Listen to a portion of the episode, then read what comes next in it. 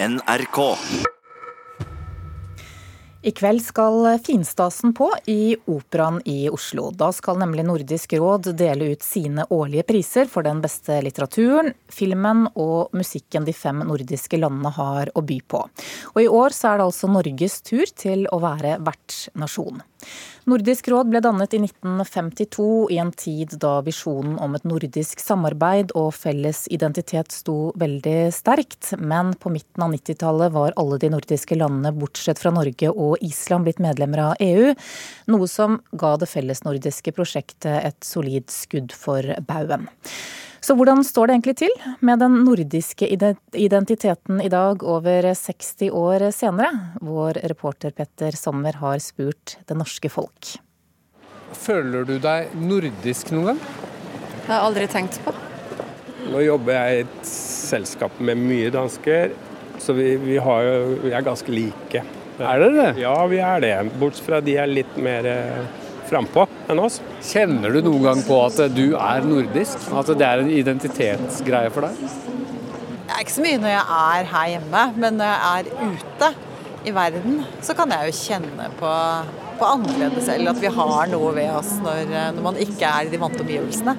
Kan du de nordiske landene, f.eks.? Eh, Norge, Sverige, Danmark, Finland. Ja, er det noen flere? Russland er nordisk. Uh, Island. Island, da. Island er, ja. Helt enig. Har vi en slags kultur som binder alle disse landene sammen? Vanskelig spørsmål. Jeg har jo stor glede av skandinaviske serier på TV og skandinavisk litteratur. ja, det kan være folkemusikk. Det kan, være, det kan være måten vi bygger på. Hvilke holdninger vi har, hva slags kultur vi har i forhold til eh, andre mennesker bl.a. Så. Så, så en spesielt nordisk måte å være overfor andre mennesker på, hva vil det være? Ja, Den er jo kanskje litt uh, reservert. Fins det noen felles nordisk kultur? Ut på tur, aldri sur. Å ja. Det driver dere med overalt i Norden? Ikke overalt, men jeg tenker det er ganske felles hvis du sammenligner med sørover Europa og rundt omkring. Nei, Vi kan jo bare alle begynne å snakke engelsk i stedet for. det er mye, mye lettere. I dag så deles Nordisk råds priser ut. Gleder dere dere? Ja, ja, ja. Fortell hva du gleder deg mest til, da. Å finne ut hva det er for noe. Du vet ikke? Nei. Vi kan jo opplyse om at det som skal skje i kveld, er altså at Nordisk råd deler ut eh, pris i fem kategorier. Barne- og ungdomslitteratur, film, litteratur, musikk og miljø. Og vi skal konsentrere oss om to av dem nå, nemlig Litteraturprisen og Prisen for barne- og ungdomslitteratur. 13 verk er nominert til Litteraturprisen. To av dem er norske, nemlig novellesamlingen 'Jeg har ennå ikke sett verden' av Roskva Koritsinski og romanen 'Begynnelser' av Carl Frode Tiller. Når det gjelder prisen for barne- og ungdomslitteratur, har juryen nominert tolv verk, deriblant 'Ingenting blir som før' av Hans Petter Laberg og 'Alice og alt du ikke vet og godt er det' av Torunn Lian fra Norge. Marta Norheim, Anne Katrine Straume, litteraturkritikere her i NRK, god morgen. Hei, god morgen. Hva kan dere si om de norske bøkene som er nominert til pris i år? Vi kan jo begynne med litteraturprisen, for den henger vel høyest, egentlig? Ja, det er iallfall den eldste og mest etablerte prisen. Den er fra 1962. Um, nei, um, der har vi ganske unge i denne sammenheng. Roskva Korisinski, uh, som har skrevet novellesamlingen 'Jeg har ennå ikke sett verden'. Um, det er en fin novellesamling. Hun uh, debuterte Ja, en kan ikke si brakdebuterte med noveller, det er ingen som brakdebuterer med noveller, men hun ble lagt merke til, og, og denne samlinga holder fint høyden. Så det er ei god bok. Jeg blir overraska over om hun vinner prisen, for at det er mange bøker i kategorien god bok med noe som er spesielt for deg. Eh, og så er det noen som er et hakk over, sånn helt uvanlig gode. Og det er der jeg tror vi må lete etter vinneren. Og en av de som er i den kategorien i mitt eh, blikk, er da Carl Frode Tiller, altså den andre norske forfatteren med romanen 'Begynnelser'. Hva med de som er nominert i den andre kategorien, altså barne- og ungdomslitteratur? Ja, da nevnte jo du Laberg og Lian, men jeg tenker vi må ta med også en skikkelig flink liten reingjeter, som er eh, kandidaten fra det samiske området. For forfatteren der er norsk. Hun heter Anne Grete Reine Bienti, eh, og boken er illustrert av eh, Meke Laimi Vekterli. Men det er også en historie, selv om den kommer fra det samiske språkområdet, så er det altså norsk forfatter bak den. En mytisk historie. Veldig fin, illustrert liten fortelling om å mestre en gutt som blir alene med reinsdyrflokken. De to andre det er altså 'Ingenting blir som før', som er en ungdomsroman som handler om to brødre. Vennskapet og kjærligheten mellom to brødre. Eldstemann er narkoman, har forlatt familien, driver som kriminell, mens den yngste går på ungdomsskolen, savner broren. Eh, og på et tidspunkt så blir han da tatt med broren. Han skal Det er en eh, ja, han skal levere tilbake noe dop som han skylder noen. og Det blir en veldig dramatisk historie. Men det er en, en klassisk ungdomsroman, vil jeg si, veldig dramatisk. Eh, Torunn Lians bok det handler om en liten jente. Det er den fjerde boken om Alice Andersen, som er et eh, veldig beskjedent og sjenert barn. Og det er jo ikke så lett å være i en tid hvor alle skal vise seg frem og være eh, sosial, kanskje litt brautende. Ehm, der er det Øyvind Thorsæter som har illustrert boken. Han har en tynn og veldig følsom strek. Han har faktisk fått denne prisen før, i samarbeid med Håkon Øverås, 'Brune', en barneroman. Så han er liksom den eneste erfarne i, i dette kobbelet. Marta Norheim, hva med de andre bøkene som er nominert til litteraturprisen? Er det noen du har lyst til å fremheve? Ja, hvis jeg skal ta topp tre, så har jeg jo allerede nevnt uh, Tiller. Så er det Agneta Pleiel, svensk veteran, som òg er dramatiker og professor i dramatikk, faktisk. Nå er merittert, tror jeg, altså jeg tror jeg er pensjonist. Agneta Pleiel, 'Doften av en mann'. Eh, det er en livshistorie, eh, en sjølbiografisk historie, der hun skildrer sitt liv fra ca. 20-årsalderen og framover i noen år. Og der står menn svært sentralt, nesten irriterende sentralt.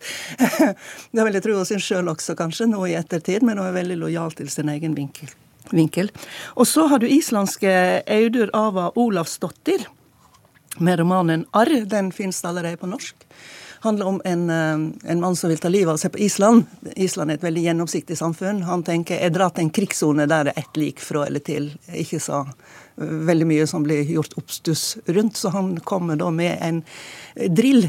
For han tenker at en må drille kanskje hull for en ekstra kraftig plugg for at eh, en godt voksen islending ikke skal dette ned. Han vet ikke liksom hvor solide vegger og tak det er i krigssonen. Så når han kommer da med en drill og forteller at han er på ferie i et land som der det er krig, så er det faktisk mange som ikke tror på han. Så dette er en eh, ganske komisk, men samtidig alvorlig selvmordsroman. Og døden er jo Altså, det er to linjer gjennom dette her. Det ene er de sjølbiografiske historiene, som Playels, og det andre er bøker om døden, som, som da uh, Olavsdottir. Og for så vidt også Tiller, der det hele begynner med en mann som har prøvd å ta livet av seg, men ikke engang det klarte han. Janne Katrine Straume, vi må si litt om de andre barne- og ungdomsbøkene som er nominert. Hvilke er det som peker seg ut i positiv retning? Ja, Det er jo interessant når Martha snakker om at det er så mye død og mørke i voksenbøkene. For det har det vært lenge i barne- og ungdomsbøkene. Men i år så syns jeg det er mer fremtidshåp og lys i bøkene. Det store eventyret det kommer frem i 'Perlfiskeren' av finlandske Karin Erlandsson. Den er også nominert fra Åland. Eh, og det er en stor, fantastisk historie om en jente som er på jakt etter den viktigste perlen i verden. Den kan gi deg rikdom, men den kan også gjøre at du aldri mer vil savne noe i ditt liv. Eh, og så er spørsmålet da vil vi kanskje ha noe å savne, vil vi ha noen å være glad i, noen å bry oss om? Så det er en eventyrhistorie, men med mye livsfilosofi under. Og så har vi min helt klare favoritt. Det er den danske bidraget 'Lynkineser' av Jesper Wung Sung. Det er faktisk en biografisk eh, bok som også har fiksjonselementer i seg. Og det handler om utenforskap, det handler om å finne sin egen vei og tørre å være seg selv i sine egne øyne og ikke i andres øyne. Hensikten med eh, Nordisk råds priser er jo å øke interessen for det nordiske kulturfellesskapet. Gjør de det? Det er jo vanskelig å måle egentlig hvor mye hadde vi forholdt oss til hverandre uten de prisene. Det er nok andre ting som nettopp EU og andre saker som, som bestemmer liksom mer det grunnleggende eh, fellesskapet vårt. Men vi er jo prisgitt hverandre i den forstand at eh, er, vi ligger ved siden av hverandre, og det kommer vi alltid til å gjøre, EU eller ikke EU. Så, eh, og vi har et visst språklig fellesskap. Og en av de som, var, som snakka her i starten i den anketen, sa at jeg tenker ikke på at jeg er nordisk sånn i det daglige, men når jeg kommer til utlandet, da tenker jeg oi, der er en danske eller en svenske, og så er du nesten liksom hjemme. Eh, den eh, følelsen tror jeg mange har hatt. Vi har, vi har noe. Det er et stort spenn i, i barne- og ungdomsbøker. Eh, Anne Katrine Straume. Jeg ser du har med deg en bunke her. Altså, noen er jo ganske tynne, og noen er litt tykkere. Det må jo være vanskelig å, sammenligne en billedbok for de minste eller for de yngste med, med tykke romaner for ungdommer? Det er en stor og åpen eh, kategori, eh, og barn er like forskjellige som voksne er forskjellige. Eh, så det handler om å finne kvaliteten, altså det som faktisk peker seg ut i en sånn stor, brokete samling da av nettopp ungdomsromaner som kan være vel så lesbare for voksne, egentlig. Så jeg vil jo si at de som rører ved juryen. Det blir spennende å se hva juryen eh, velger, da. Men at du må på en måte skille deg ut i mengden av bøker for å nå helt til topps. Mm. Og denne eh, barne- og ungdomslitteraturprisen ble delt ut for første gang i 2013, etter at kulturministrene ønsket å løfte barne- og ungdomslitteraturen i Norden. Bidrar denne prisen til det? Ja, jeg tror det. Det var en diskusjon i fjor om at uh, ikke alle bøkene ble oversatt til de andre nordiske språkene. Og da blir det jo vanskelig for oss å lese f.eks. bøker bøker fra Grønland eller Island. Finske bøker leser jo ikke så lett på norsk. Eh, nå har det blitt bevilget litt mer penger fra Nordisk ministerråd til nettopp oversettelse av bøkene, så de skal bli mer tilgjengelig for et bredere publikum. Jeg merker også i barnebokfeltet at det er en stor, stor interesse for nordiske bøker. Og, og jeg syns jo det at det har vært morsomt å følge med så lenge nå denne prisen har vært i seks årene. Lært mye om våre nabolands litteratur som jeg ikke ville ha lært ellers. I eh, utlandet så er jo nordic et mer eh, slående begrep enn eh, norsk, f.eks. Nordic noir er jo noe som har slått veldig, og Norden er nok større enn Norge, selv om vi ikke tenker så mye på det. Prisene de deles altså ut i kveld. Prisvinnerne får da i tillegg til heder og ære 350 000 danske kroner hver, og de deles altså ut i Operaen i Oslo.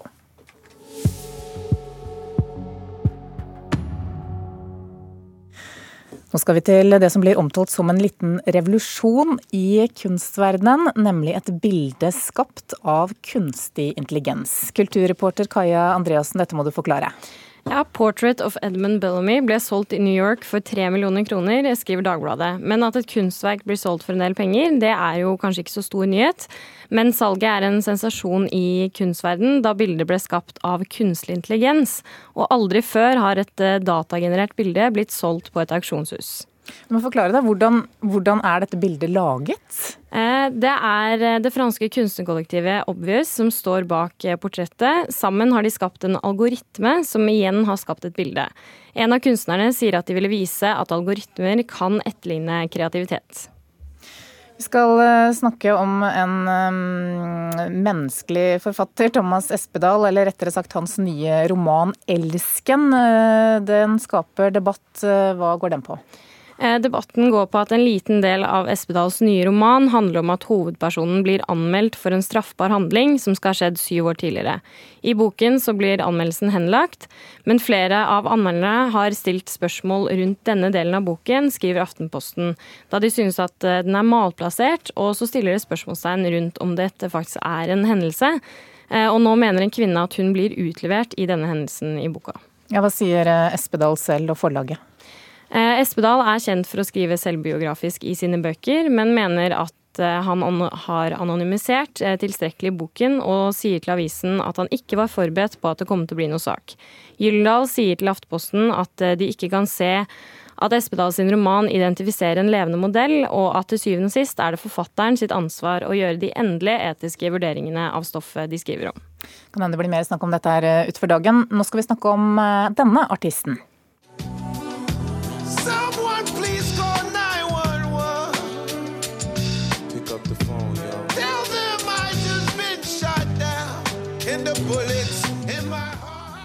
Så er altså Wyclef Shaun. Barndommen hans nå, blir nå til uh, film. Uh, stemmer det? Eh, ja, tidligere år i den berømte musikkprofilen Wyclef Shaun sitt liv, bl.a. i Haiti, skal vises i en ny animert film på Netflix. Oppveksten var veldig fattig, men jeg var rik på fantasi. Nå skal jeg sammen med Netflix fortelle barn i slumområder rundt om i verden at alt er mulig, sier rapperen om filmen. Takk skal du ha, kulturreporter Kaja Andreassen.